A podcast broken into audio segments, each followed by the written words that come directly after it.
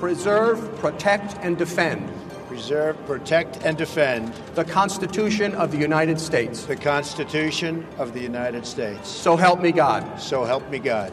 Congratulations, Mr. President. Der var altså Donald Trump Amerikas forente staters 45. president. Trump vil innsette konservative høyesterettsdommere, fjerne Obamacare og fyre opp kullkraftverkene igjen. Vi ser nærmere på hva han har lovet å utrette på 100 dager. Det blåser et kaldt vintervær over velferdsstatens verdigrunnlag, hevder Mats Gilbert etter første vaktuke på ambulansehelikopteret i Tromsø. Kong Vinter, altså Bent Høie, forsvarer seg. Og hva er det som gjør at norske kvinner, som er så mye mer aktive enn menn på Facebook, mener så lite og deler så lite om nyheter og politikk?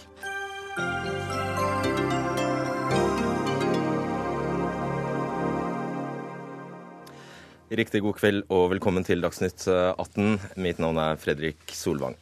Det gikk litt eh, fortere for seg enn vi hadde tenkt dette her, fordi eh, altså edsavleggelsen til Donald Trump skjedde ja, rett før eh, klokka 18, og der, da var det rett og slett over.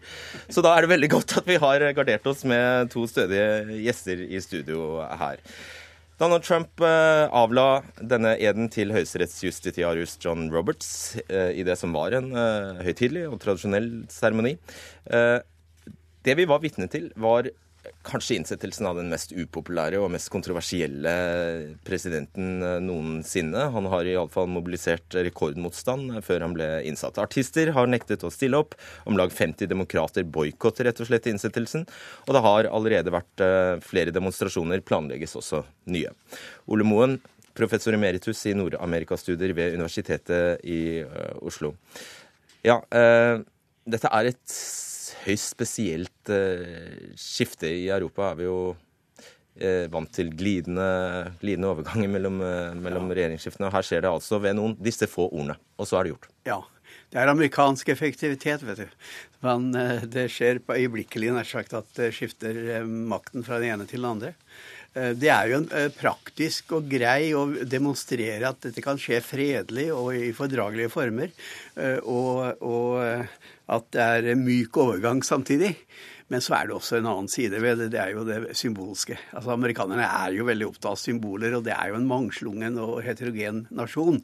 Eh, så det er snakk om å samle nasjon også. Det er nesten et sånn rituale som, som nesten en håndpåleggelse fra, fra paven. Altså dette her eh, med at det er en nesten eh, sakrosankt, kan du si, en sivilreligiøs seremoni som skal samle nasjonen og, og vise da at uh, i dette siviliserte landet så, så, gjør vi på denne måten. Jeg skal bare gjøre oppmerksom på at i dette øyeblikk taler altså Donald Trump, og vi har uh, planer om å få med oss uh, både deler av talen og kommentarer til den litt senere.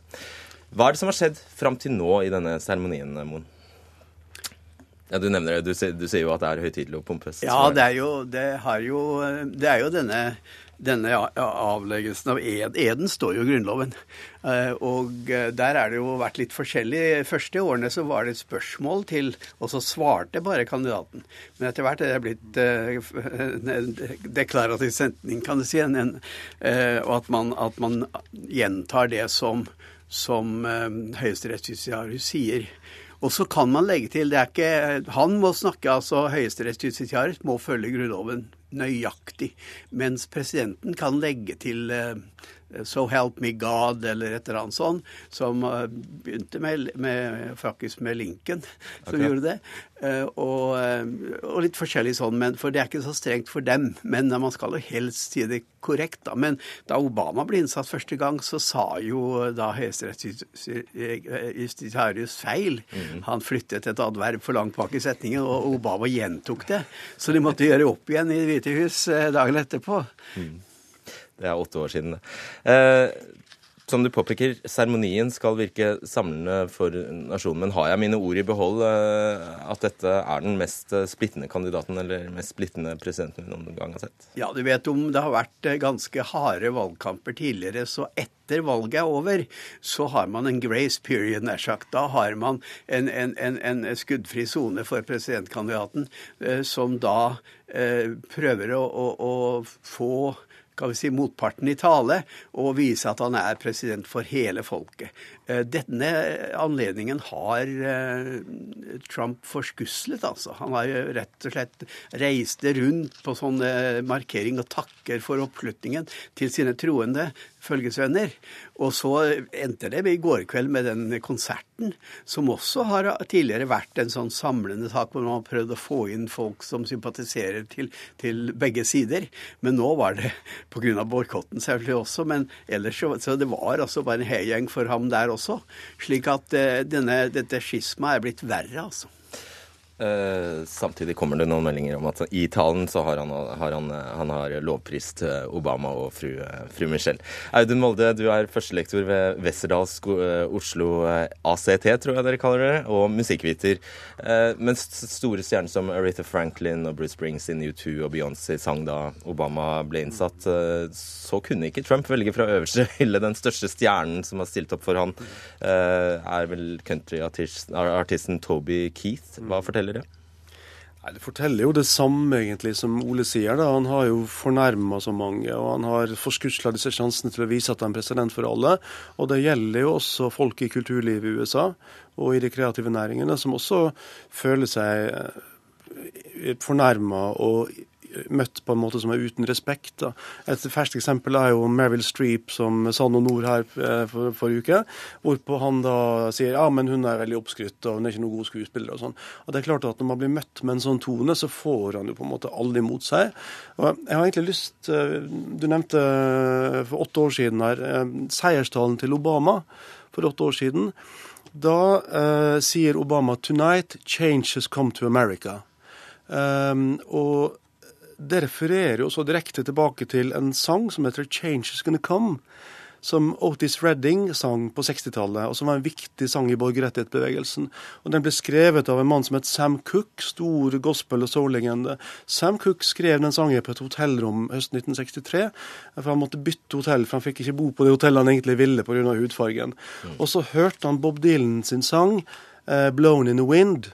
Og så syntes han det var fantastisk at en ung jødisk hvit gutt fra Midtvesten kunne forstå kampen om likeverd og borgerrettigheter i Amerika så godt. Så skrev han denne sangen i 'Changes Gonna Come', som ble en viktig del av den eh, bevegelsen. Og når da Obama sier mange, mange år etterpå 'Tonight changes come to America', så spiller det på en dyp streng hos millioner av amerikanere.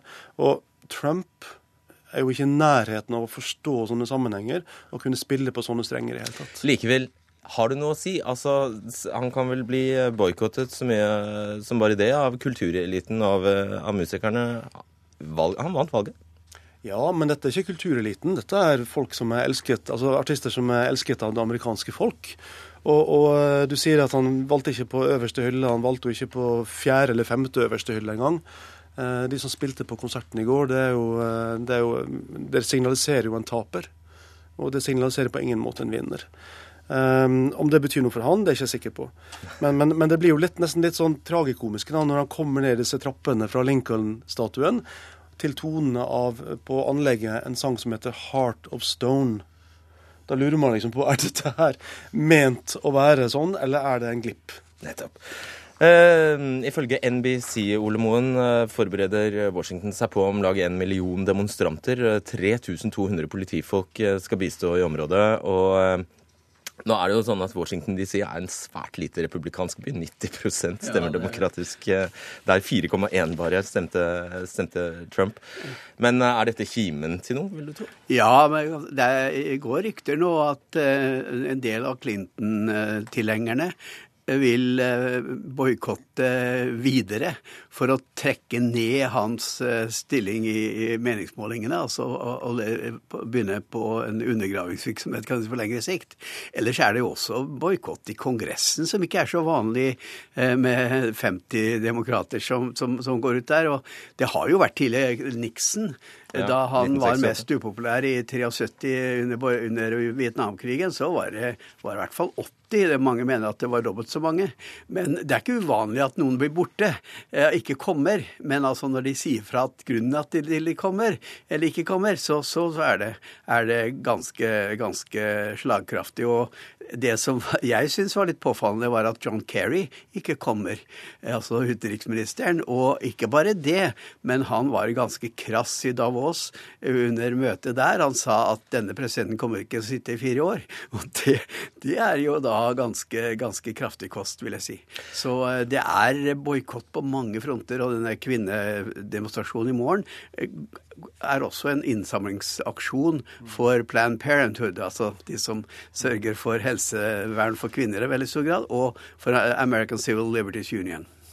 Eh, Molde, er det mulig å si noe om Nå har de en mangslungen gruppe, de som har stemt Trump, selvfølgelig. eh, Men er det mulig å si at de er mindre Trump-tilhengere er mindre opptatt av musikk og kultur? Nei, på ingen måte. Nei. Altså Mange Trump-tilhengere kommer jo fra Midtvesten og fra sørstatene, som er viktige områder også for amerikansk musikk og amerikansk kultur. Jeg tror ikke det har noe med det å gjøre i det hele tatt. Så det, det vi ser nå, går jo nok med på Trump sin person og hvordan han har framstått, hans personlighet. Er Mye av kulturlivet i USA er jo lent mot demokratisk hold politisk sett, men det er også mange musikere og artister som er republikanere. Eh, og, og mye amerikansk musikk kommer jo nettopp fra sørstatene, hvor mange av Trump-velgerne er. Så eh, det går nok mer på, på hans person. Tusen takk for at eh, dere kunne komme hit i, i dag, Ole Moen og Audun Molde. Dagsnytt 18 alle hverdager klokka 18.00 på NRK P2 og NRK2.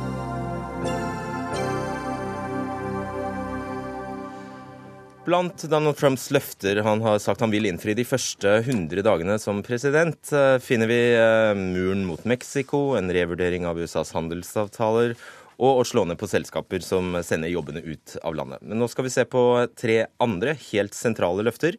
Trump har sagt han vil fjerne Obamacare, utnevne konservative dommere til Høyesterett og fjerne hindre for energiproduksjon. Um, la oss starte med løftet om å utnevne dommere til Høyesterett som vil ivareta Grunnloven og forsvare det andre grunnlovstillegget.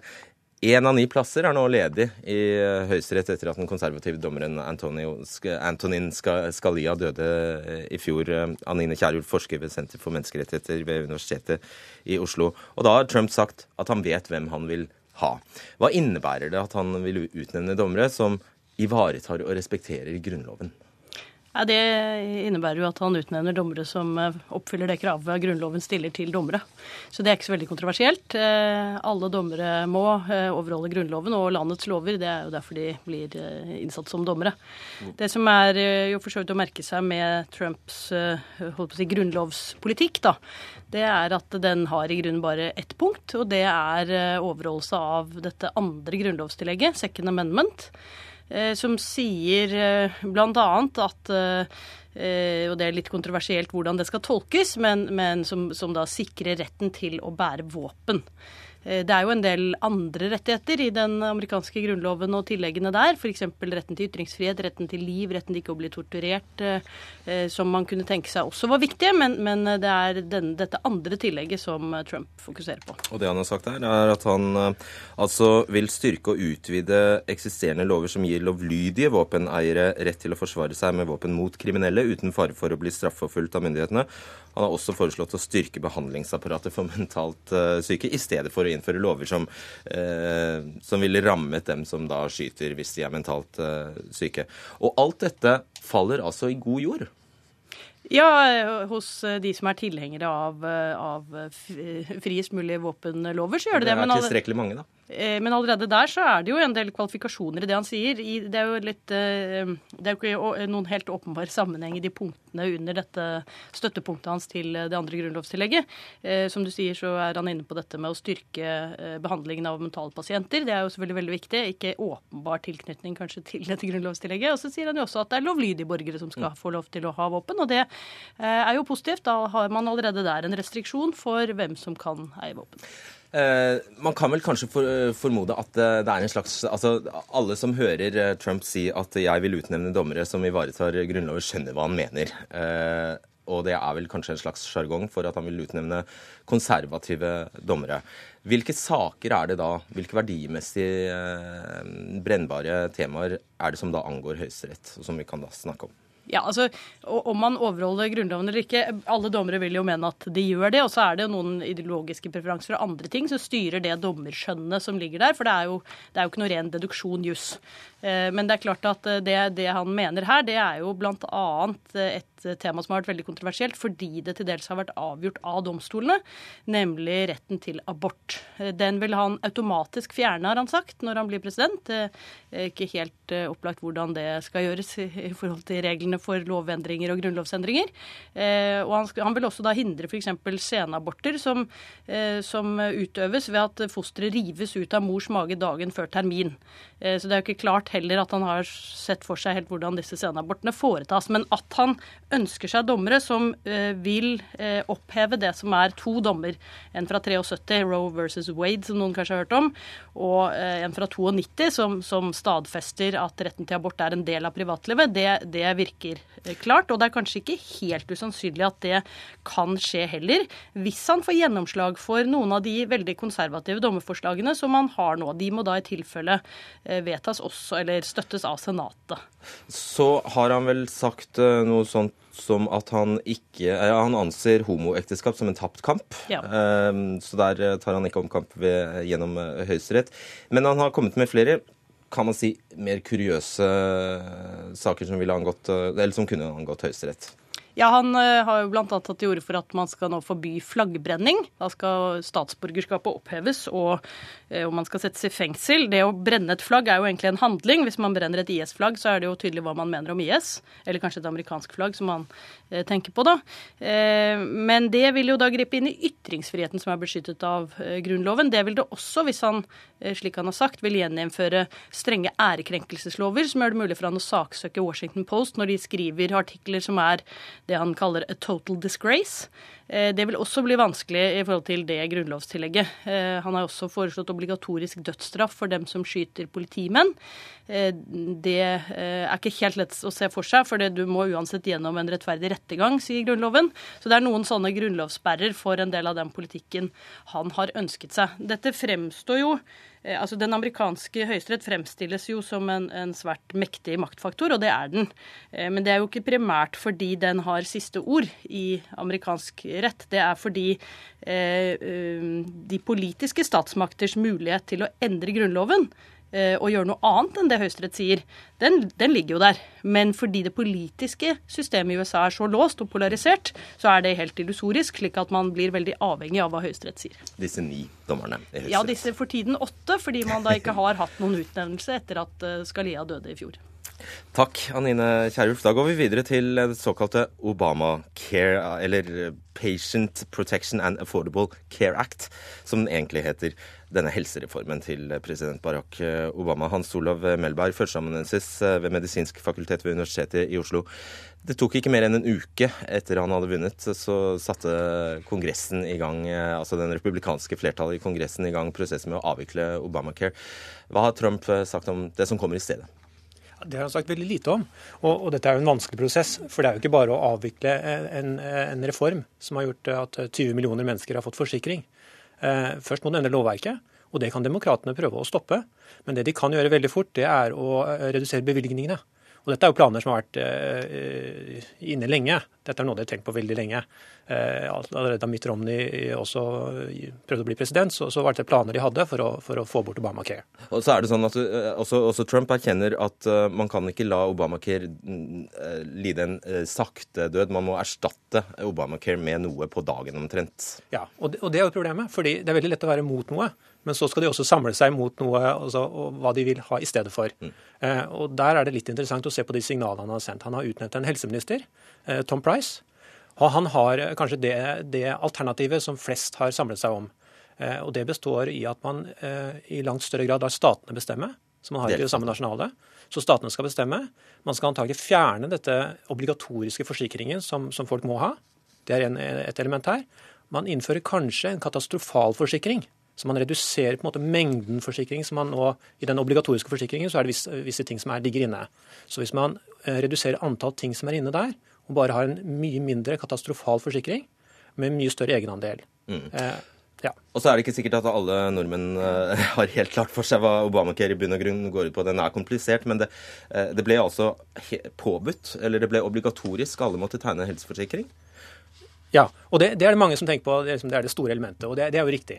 Det ble slik at alle måtte tegne en helseforsikring, og så var det veldig sterke subsidier for disse forsikringene. Så de som hadde små inntekter, de skulle få veldig billig forsikring. Men hvis de ikke tegnet forsikring, så skulle de få en straffeskatt. Eh, men det er bare ett element av Obamacare. Kanskje et mye større element var denne store utvidelsen av støtten til eh, eh, offentlig, altså offentlig forsikring for fattige. Som, som, gjorde at enda flere fikk forsikring. Og Det er et element som mange stater har sagt ja til, som de nå ønsker å, å gå tilbake på.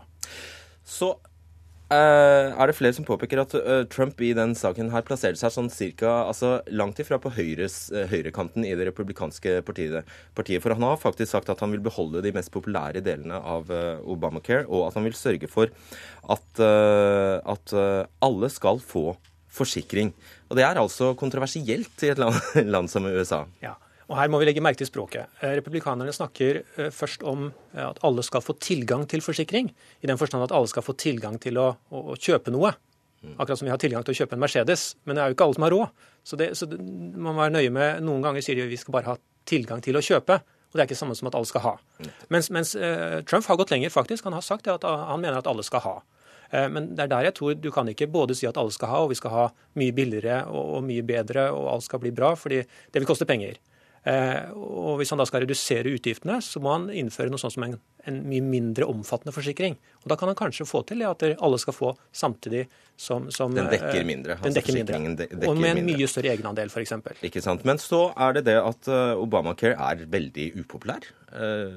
Selv om man da har fått, fått ned andelen som overhodet ikke har noen helseforsikring fra 16 til 9% så er den veldig upopulær. Da tror jeg man må skille litt. Grann må skille mellom eh, elementene og, og, og navnet. Altså, hvis du spør personer, eh, så er det, det er en del som støtter det, selvfølgelig. Men det er også ganske mange som sier, hvis du spør liker du Obamacare, så sier de nei.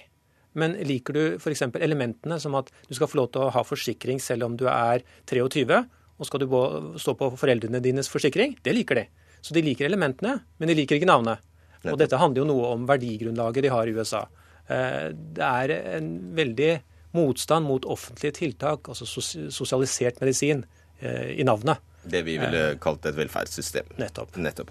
Og bare eh, En del av årsaken, hvis, som vi har forstått, eh, til at eh, motstanden har vokst, er jo at premiene økte med 25% Hvorfor har det blitt så mye dyrere? Det er delvis fordi eh, forsikringsselskapene har jo et monopol her. så det er når, når de får mange flere kunder, og alle må tegne forsikring, så kunne de øke forsikringssummen. Og så har utgiftene innenfor helsevesenet også økt, så de må øke forsikringssummen. Eh, og de har, det er for lite konkurranse rett og slett i markedet. Eh, og når det kommer mange syke inn som skal ha forsikring, så måtte de øke summene. Interessant. Takk skal du ha, Hans Olav Melberg. Da går vi videre til eh, klima og miljø, for Trump har lovet store endringer i politikken rundt klima og miljø. Han har lovet å fjerne nasjonale restriksjoner på energiproduksjon, bl.a. Guri Bang, forsker ved Cicero senter for eh, klimaforskning. Hva betyr det? Hva betyr det at han skal fjerne restriksjoner for energiproduksjon? Ja, Her er det jo snakk om eh, klimatiltak som Obama har innført ved hjelp av sine executive powers, som det heter. Han har omgått Kongressen og innført tiltak eh, som egentlig ikke republikanerne har hatt noen måte å stoppe. Eh, sånn at han, Det har provosert mange i Kongressen at han har eh, innført en del tiltak som bl.a. begrenser olje- og gassproduksjon på føderalt land. Eh, og han har også innført reguleringer for å få ned utslippene fra kullkraftverk, spesielt kull. Som han har prøvd å ramme med de reguleringene da, for å få ned klimagassutslipp. Eh, og så eh, har republikanerne vært veldig provosert av det her, og nå eh, har Trump lovt at han skal fjerne de her tiltakene. Det er den Clean Power Plan, som spesielt som har vært veldig mye bråk rundt i Kongressen. og Og den handlet både om klima og nærmiljø. Altså både å rense lokalluft, men også klimagassutslipp. Ja, det, det, handler jo om å få ned utslippene fra kullkraftverk i, eh, i USA. Og eh, Clean Power Plan har vært uh, jobba med over mange år gjennom Environmental Protection Agency, og den står helt klar til å bli iverksatt nå. Sånn at eh, Obama går av idet eh, den planen er klar til å iverksettes. Men eh, skjebnen til Clean Power Plan er nå veldig usikker pga. Eh, alle de tingene som eh, eller de tingene som Trump har sagt at han vil gjøre med alle de, løf, eller de reguleringene som Obama har innført gjennom executive powers. Og Er det så enkelt som at uh, Trump kan utstede sine executive orders som trumfer disse? Uh, han kan til en viss grad gjøre det på noen av de feltene. sånn at han kan nok eh, åpne opp for mer olje- og gassvirksomhet på føderalt land. Det kan han nok gjøre mye enklere enn å fjerne Clean Power Plan.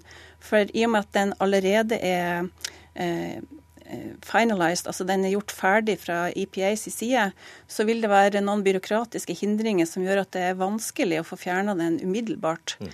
Men eh, nå har jo Donald Trump utnevnt en ny leder for Environmental Protection Agency som heter Scott Pruitt, og som eh, eh hadde ei sånn godkjenningshøring i Senatet for to dager siden. Og Der ble jo han spurt om sin holdning til eh, Clean Power Plan og til klimaproblemet.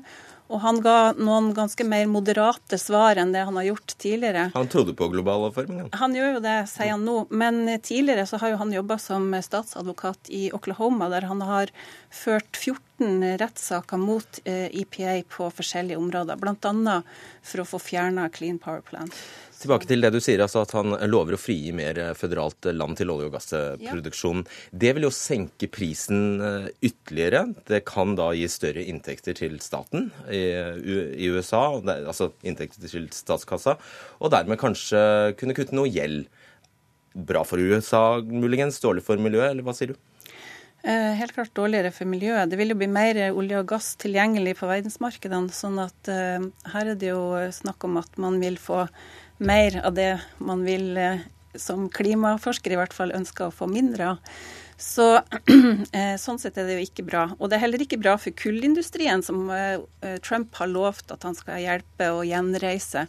For det som først og fremst har ført til kullindustriens fall i USA, det er jo at det har blitt så veldig stor tilgjengelighet av gass. Mm. Og eh, det har blitt en enorm omlegging i energisystemet i USA, der man har, inn, eh, der man har fått et utskifte av kull i eh, kraftverk, og heller fått en innfasing av gass. Men der har jo Trump vært soleklar i sine løfter. Han skal gjenopplive omtrent kull, ja. kullindustrien, har han sagt. Han har lovt det, men det vil nok bli vanskelig å gjennomføre, for her er det mye markedskreftene som råder. Og som jeg nettopp sa, så er det jo enorme forekomster av eh, skifergass som er funnet i USA i løpet av de siste ti årene, som har gjort at eh, gassprisen har gått voldsomt ned, og utkonkurrert kull for en stor grad i eh, strømproduksjonsmarkedet i USA. Da. Hvor store kan endringene globalt bli av det Donald Trump kan finne på? Når det gjelder klimapolitikk. Han har jo eh, nå makta som verdens mektigste mann, og har en rolle som Eh, leder av den viktigste landet i de internasjonale klimaforhandlingene. Og under Obama sitt styre så har USA hatt en eh, viktig rolle som leder eller pådriver av Parisavtalen som vi fikk eh, i fjor, eller i 2015. da. Så her vil det nok også bli en omlegging som får store konsekvenser for internasjonalt samarbeid, der vi kan forvente at USA går bort fra den lederrollen de har hatt i internasjonale klimaforhandlinger, og inntar en mer passiv posisjon som de har hatt under tidligere presidenter. Men man hører jo veldig ofte fra klimaoptimisten at uh, politikerne kan holde på, men uh, dette er et marked, og uh, utviklingen vil gå sin gang. Fornybar energi vil ta over før eller siden, og, og prisene på, på den type teknologi vil danke ut annen, eh, annen teknologi? Ja, altså Det er mye her som er markedsdrevet. og Helt klart så har eh, fornybar energiteknologi utvikla seg veldig raskt de siste årene. Vi har fått en prisnedgang som gjør at eh, fornybar energi nå konkurrerer med kull i en helt annen grad enn det gjorde for bare noen få år siden. Men så er det jo også sånn at eh, Obama har jo hatt en, eller Obama-administrasjonen har hatt et veldig sterkt insentivprogram som har drevet fram forskning på energiteknologi. Eh, i Energidepartementet f.eks. Og de har og jeg tror jo det er veldig viktig med å ha det politiske presset for å få den omlegginga til å gå fortere og ja, glattere enn den ville gjort hvis det er bare markedet som styrer de, den omlegginga. Og under Trump sin administrasjon så kan vi vel forvente at det da blir kun markedet som styrer. Nettopp. Takk for den innsikten dere ga oss her. Hans Olav Melberg, Guri Bang og Anine Kierulf.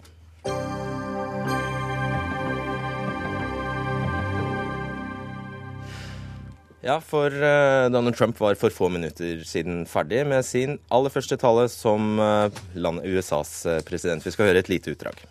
We are grateful to President Obama and First Lady Michelle Obama for their gracious aid throughout this transition. They have been magnificent. Thank you.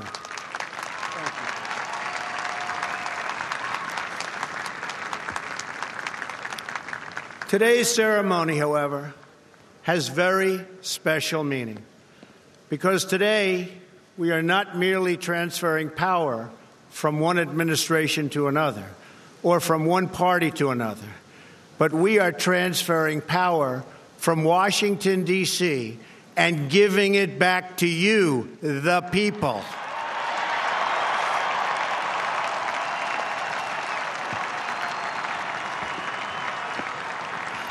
For too long, a small group in our nation's capital has reaped the rewards of government while the people have borne the cost. Washington flourished, but the people did not share in its wealth. Politicians prospered, but the jobs left and the factories closed. The establishment protected itself, but not the citizens of our country. Their victories have not been your victories. Their triumphs have not been your triumphs.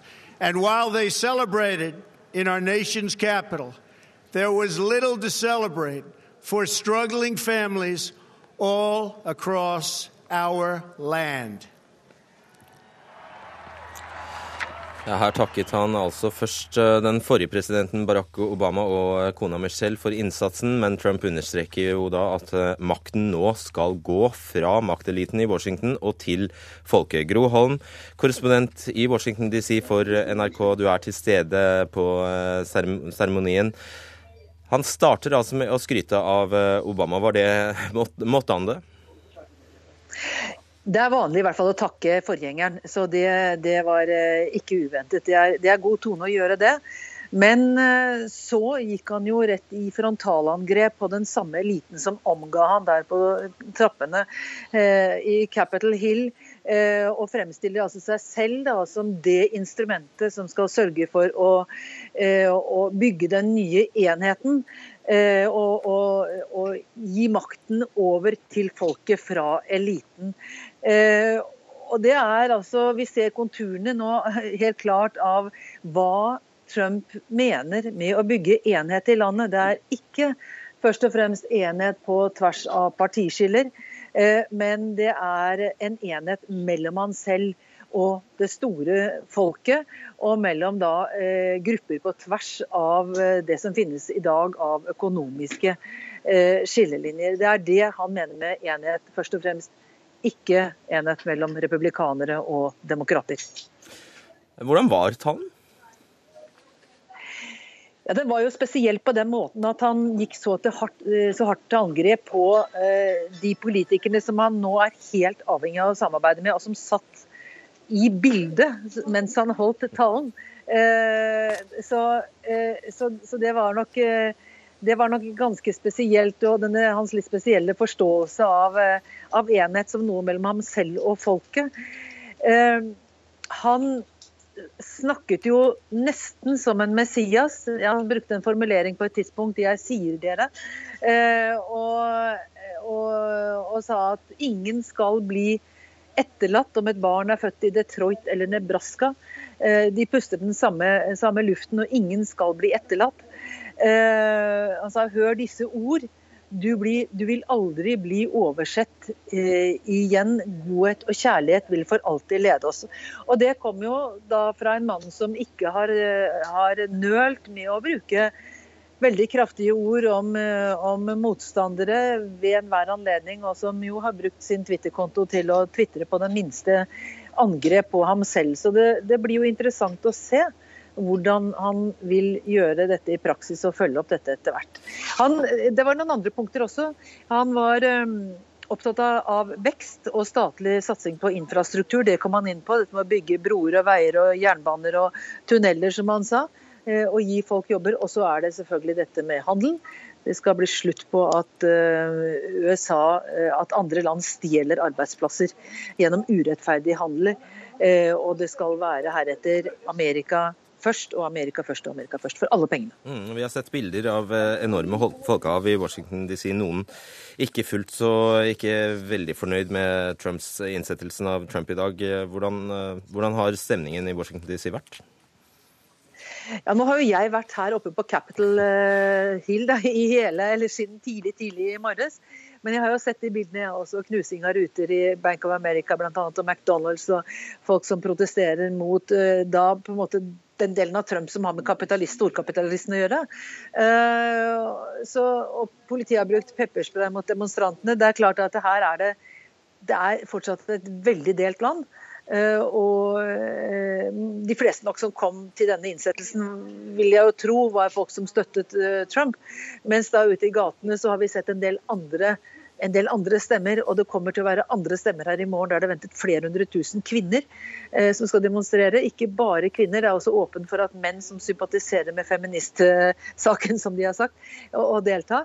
Eh, så det er et veldig delt land, og det er mange som er veldig urolige for framtida, og som, som jo ikke vet hva innholdet, hvordan Trump skal gjøre om disse store visjonene, ordene og gode, eh, gode intensjonene til praktisk politikk. Mm. Og Når man ser på hvilken han har tatt med seg i regjeringen, så er jo det da i hvert fall tre dollarmilliardærer og eh, nesten bare hvite menn. Og, eh, og, i det hele tatt det er ikke en regjering som gjenspeiler hans ønske om å bygge enhet på, på tvers av sosiale skillelinjer. Og veldig kort, Hva skjer nå etter at han har talt? Ja, nå skal de spise lunsj. Eh, det har han for så vidt sagt at den kunne han godt ha tenkt seg å droppe for å begynne å sette i verk politikken i stedet. Men det er tradisjon, og det skal de gjøre. Eh, og så er det denne paraden eh, vel to kilometer fra Capitol Hill, fra Kongressen til Det hvite hus. Og der ligger klær og alt mulig klare i, i skapene, og, og, sånn at de kan skifte. og gå på ball. og da er det, De skal sagt at de skal bare delta på et par-tre ball. Det er jo mange titalls ball rundt omkring i byen i, i kveld og i natt. Men uh, Trump er ikke den som liker å menge seg med folk og store forsamlinger hvor han ikke har kontroll. Vi vet jo at han f.eks. ikke liker å ta folk i hendene fordi han er redd for, eh, for smitte. Så, så uh, han uh, vil stikke innom et par-tre ball og og, det er vel det. Men han kommer sikkert til å snakke. Det han snakket i går, har flere uplanlagte taler. Takk skal du ha, Gro Holm.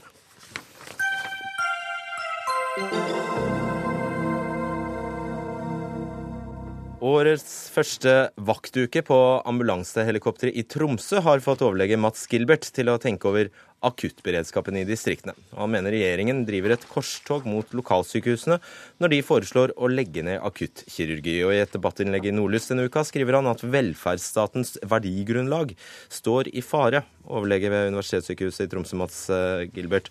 Um, det var altså, altså, Forrige uke gjorde lokalsykehusene i Narvik, Stokmarknes og Hammerfest livreddende og tidskritisk førsteinnsats i skarpe akuttsituasjoner. Skriver du, skriver du. Hva, hva mener du hadde skjedd med disse pasientene om de mistet akuttberedskapen?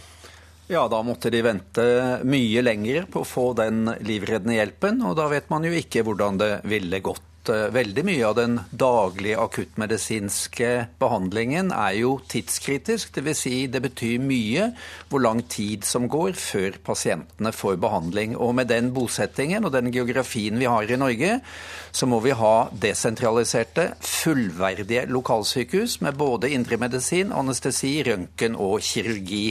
Og det er jo det Høie har jobbet ganske intenst for å fjerne på mange viktige lokalsykehus. I Nord-Norge er det nå Lofoten og Narvik som er under såkalt utredning. Det skal vel fjernes der. Og så er det da eksempler på sykehus som er blitt helt tømt for innhold, sånn som Fjordane sykehus, Nordfjord sykehus og, og Rjukan sykehus. Så dette er en politikk for sentralisering, og så i stedet skal man da tilbys private sykehustilbud. Uh, Utdyp det siste, er du snill. Eh, hvis vi så på hva som skjedde med Rjukan sykehus, et velfungerende, eh, typisk godt norsk lokalsykehus med disse fire spesialitetene, ble vedtatt nedlagt. Høie støttet det ga kort tid etter konsesjon til en privat sykehusdriver som fikk konsesjon til å drive en rekke spesialiteter.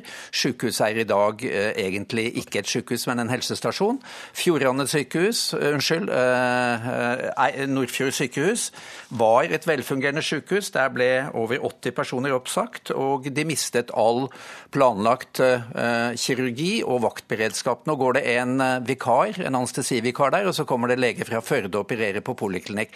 Altså Altså befolkningen mister sikkerhet, beredskap og et godt desentralisert behandlingstilbud. Det er det motsatte av å styrke velferdsstaten, det er å bygge ned velferdsstaten. Her var det mange påstander, helse- og omsorgsminister Bent Høie fra Høyre. La oss ta dette her med antydningen fra Gilbert om at disse pasientene som faktisk da fikk eh, tidskritisk førsteinnsats første i skarpe akuttsituasjoner ved Narvik, Stokmarknes og Hammerfest, de hadde kanskje ikke klart seg eh, hvis du får gjennomført dine planer?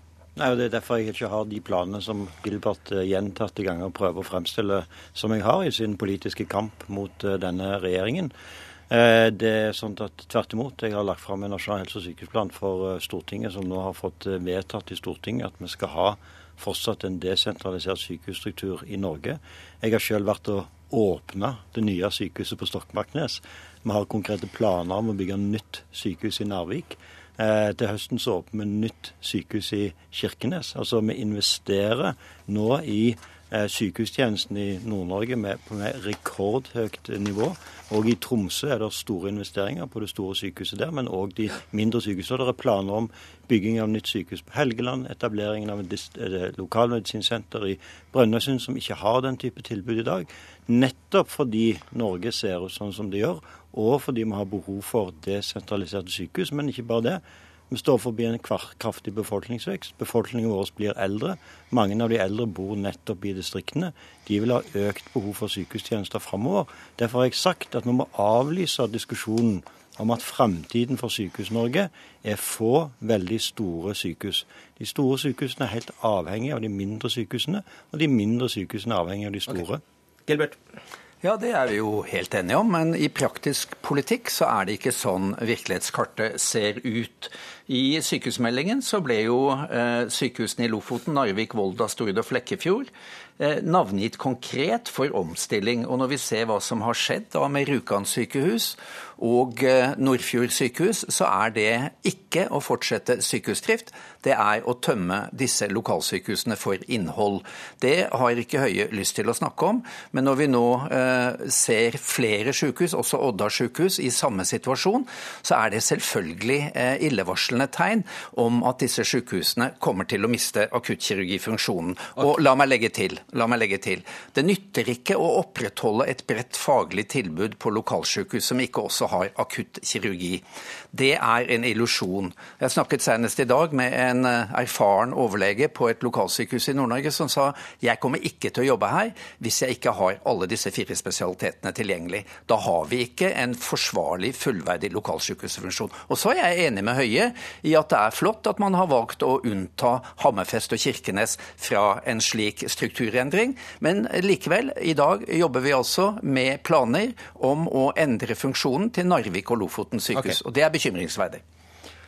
Gilbert vet uh, utmerket godt at uh, endringene på Nordfjord sykehus uh, har ikke skjedd mens jeg har vært helseminister. Det skjedde når hans politiske familie satt i regjeringskontorene.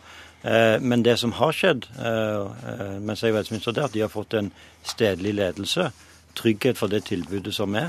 Noe som gjør at befolkningen i Nordfjord nå er veldig fornøyd med det tilbudet som er. Vi ser at i Sogn og Fjordane som har den modellen som jeg mener er en veldig god modell, er det ikke noe stridigheter rundt sykehusstrukturen. Og det er et veldig godt eh, akutt eh, tilbud. Så den, virk, så den, så den virkeligheten som Gilbert prøver å fremstille, det er faktisk en virkelighet som ikke er tilfellet i et av våre virkelig distriktsfylker med mye fjorder, mye vei og mye vær. Eh, så fungerer dette veldig godt. Og Det som er viktig, det er at en del av de sykehusene som eh, Gilbert her ramser opp, det er sykehus som har vært nedleggingstrua. I, er det, er det f.eks. Rjukan du sikter til i, nå, da? I tiår. Ja. Eh, som det nå eh, ikke er snakk om eh, skal legges ned, som skal være akuttsykehus òg i framtiden. Når det gjelder diskusjonen rundt Telemark, så er det en helt spesiell situasjon.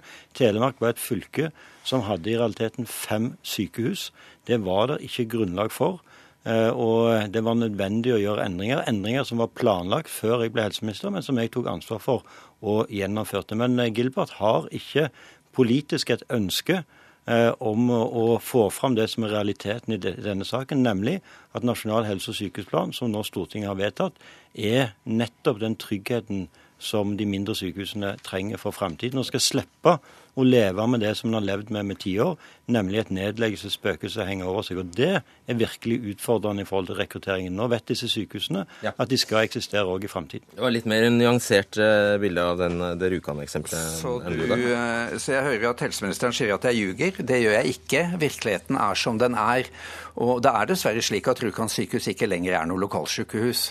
Uh, og det er jo også slik at det er La meg nå snakke ferdig. Nå har du snakket La meg nå snakke ferdig.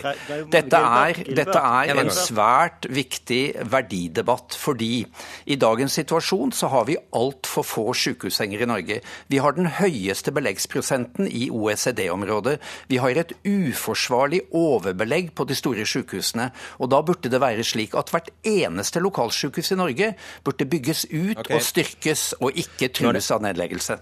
Siste ord går til deg, Bent For det første, ja, det gjør det alltid. Nå, nå kom, ja. Nei, det gjør det ikke. Jo da, det gjør det alltid. Han er sleip som et såpestykke. Eh, nå kom du igjen med en rekke feilaktige påstander. Eh, nei, men eksempel, du, du, du dokumenterer ikke dine jo, påstander. Det gjør jeg. For eksempel, Les vitenskapelig litteratur. Det er ingen holdepunkter for at Gil, lokalsykehus fungerer dårligere enn store sykehus. Gilbert, du driver med ren historieforfalskning og skremselsbilder. Så jeg og det er politikere Mats Gilbert, ikke lege Mats Gilbert vi hører nå. Hva er forskjellen på politikere og, og lege? Er det en forskjell? Ja, fordi du bruker din faglige autoritet for å fremme et politisk syn. Ja, og det er jo å støtte distriktene nei, og støtte en desentralisert helsetjeneste i Norge. Det kommer jeg til å slåss for så lenge jeg lever. Det som er realiteten, Gilbert, at den nasjonale helse- og sykehusplanen som jeg har fått vedtatt, det er den beste planen for nettopp å trygge de små sykehusene i distriktene. OK. Sånn. Da ble det sånn. Da fikk du siste ordet. Takk skal du ha, Bent Høie og Mats Gilbert.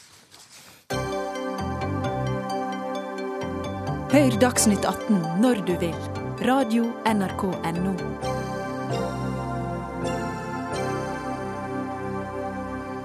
Mens kvinner eh, både deler mer og liker mer enn menn på nett, er norske jenter og kvinner mellom 13 og 28 år eh, faktisk blant kvinnene i verden med lavest interesse for nyheter og politikk på Facebook. Eh, faktisk på linje med kvinner fra Brasil og Iran. Når eh, kvinner er mer redde enn menn for å dele skarpe meninger på Facebook, lar de mennene dominere de politiske debattene i samfunnet? Spørsmålstegn. Ragnhild Ultveitmo, kommentator i Minerva. Hva svarer du? Du, jeg tenker jo at når kvinner er, eh, eller kvier seg for å både dele og like ting på Facebook, så lar de veldig mye av en viktig del av samfunnsdebatten foregå Eller at menn setter premissene, og det tenker jeg blir en svakhet.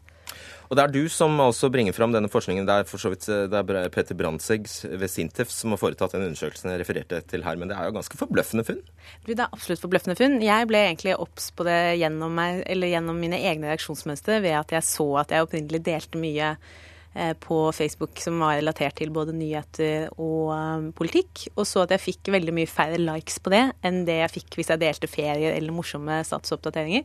Og så at jeg på en måte begynte å glippe litt på den fronten da, inntil jeg ble obs på dette her, og nå deler mer uredd på det. Og det er derfor jeg skrev kronikken, fordi jeg tenker at det er nyttig at kvinner i hvert fall blir bevisste sine egne atferdsmønstre. Og hvorfor tror du dette er Hvorfor, hvorfor kjønnsaspektet?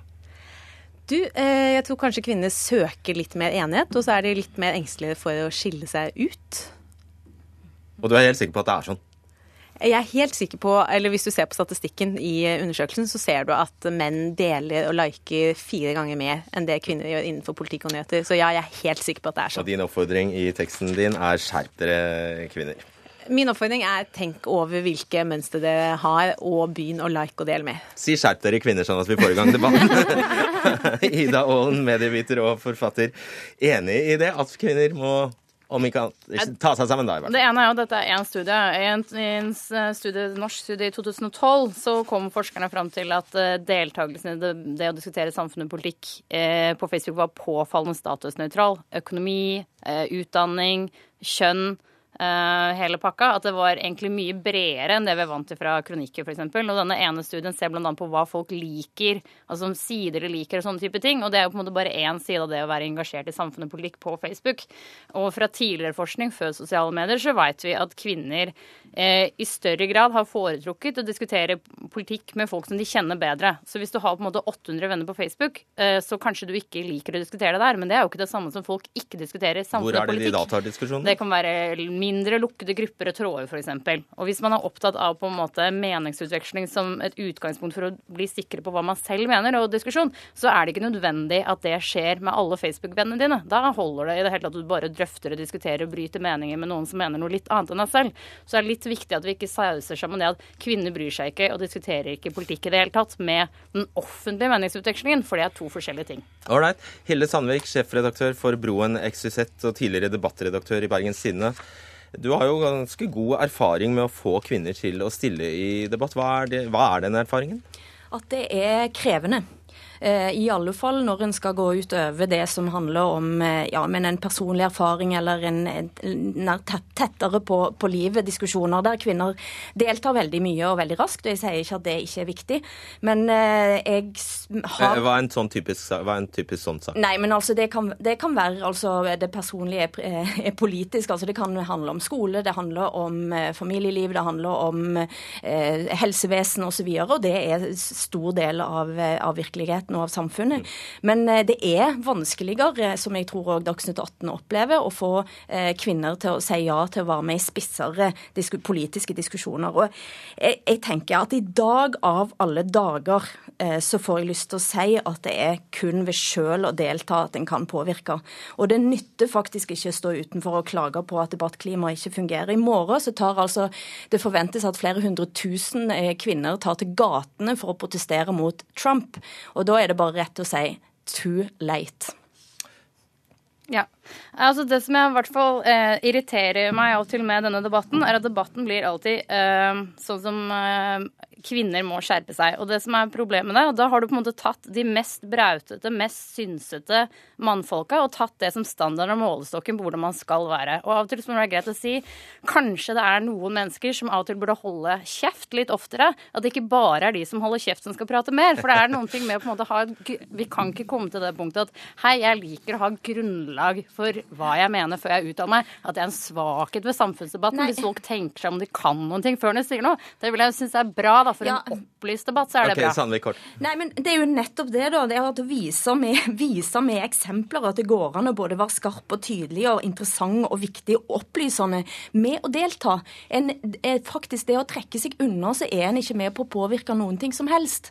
Eh, og jeg skulle ønske at det var flere som tør, fordi det faktisk heller ikke er farlig å få et par lusinger. Verbale lusinger klarer vi alltid å leve noe med.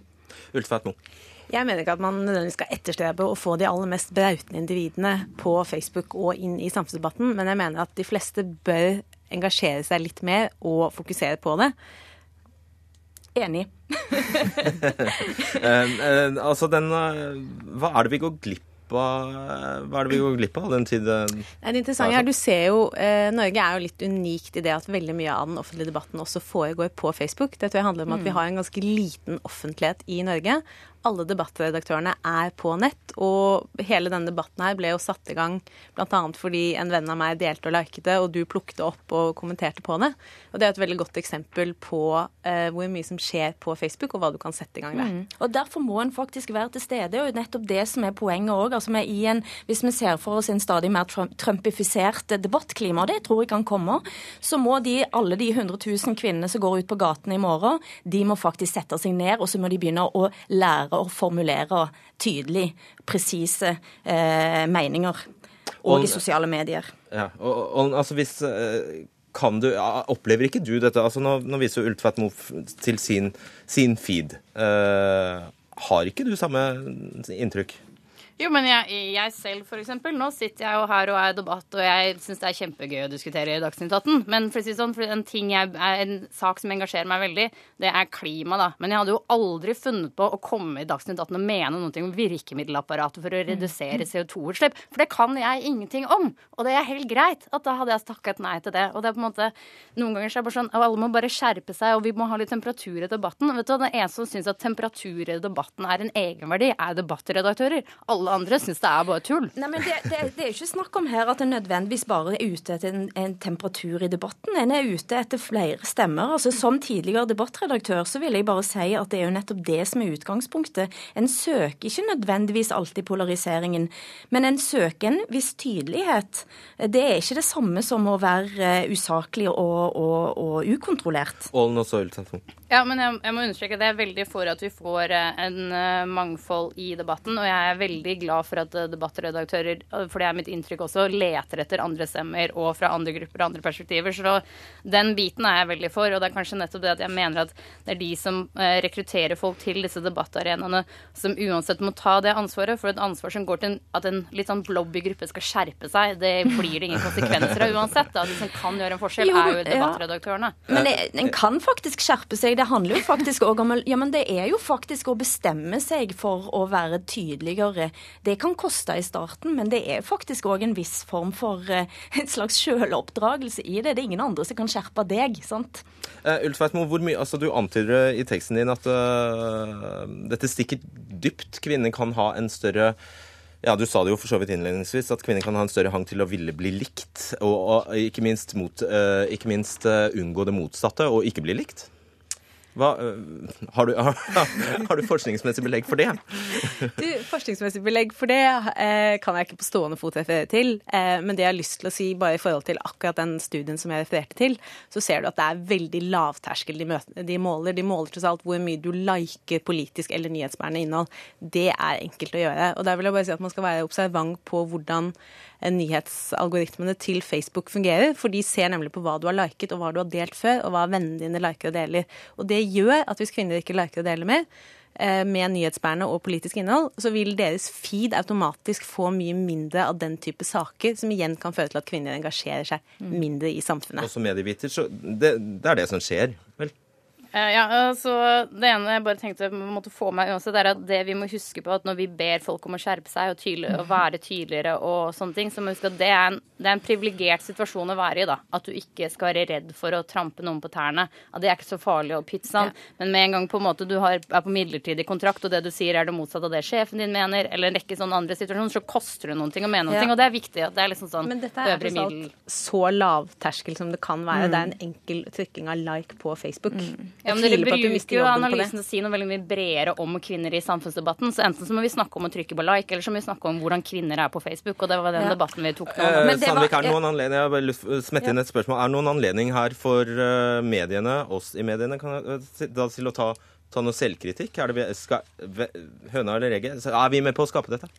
Jeg tror delvis at den er med på å skape det fordi at Norge har drevet fram en form for debattkultur, da, f.eks. på Dagsnytt 18 eller andre debattprogrammer, eh, som òg er med på å styrke denne, denne splittelsen.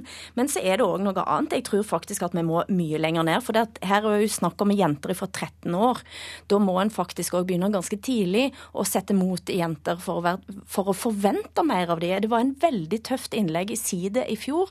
Ei ung jente som skrev at hun var helt sjokkert over hvor lite forventninger det var til at hun som jente i det hele tatt skulle mene noe politisk. Mm.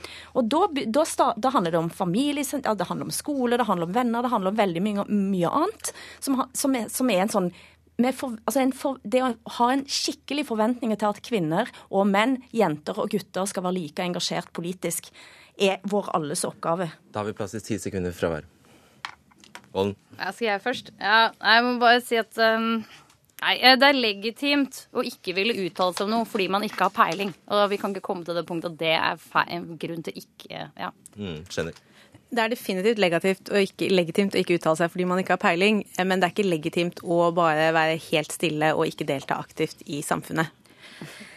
Skal du, på, skal du påvirke, må du delta. Det er, tenker jeg er ganske viktig å få sagt.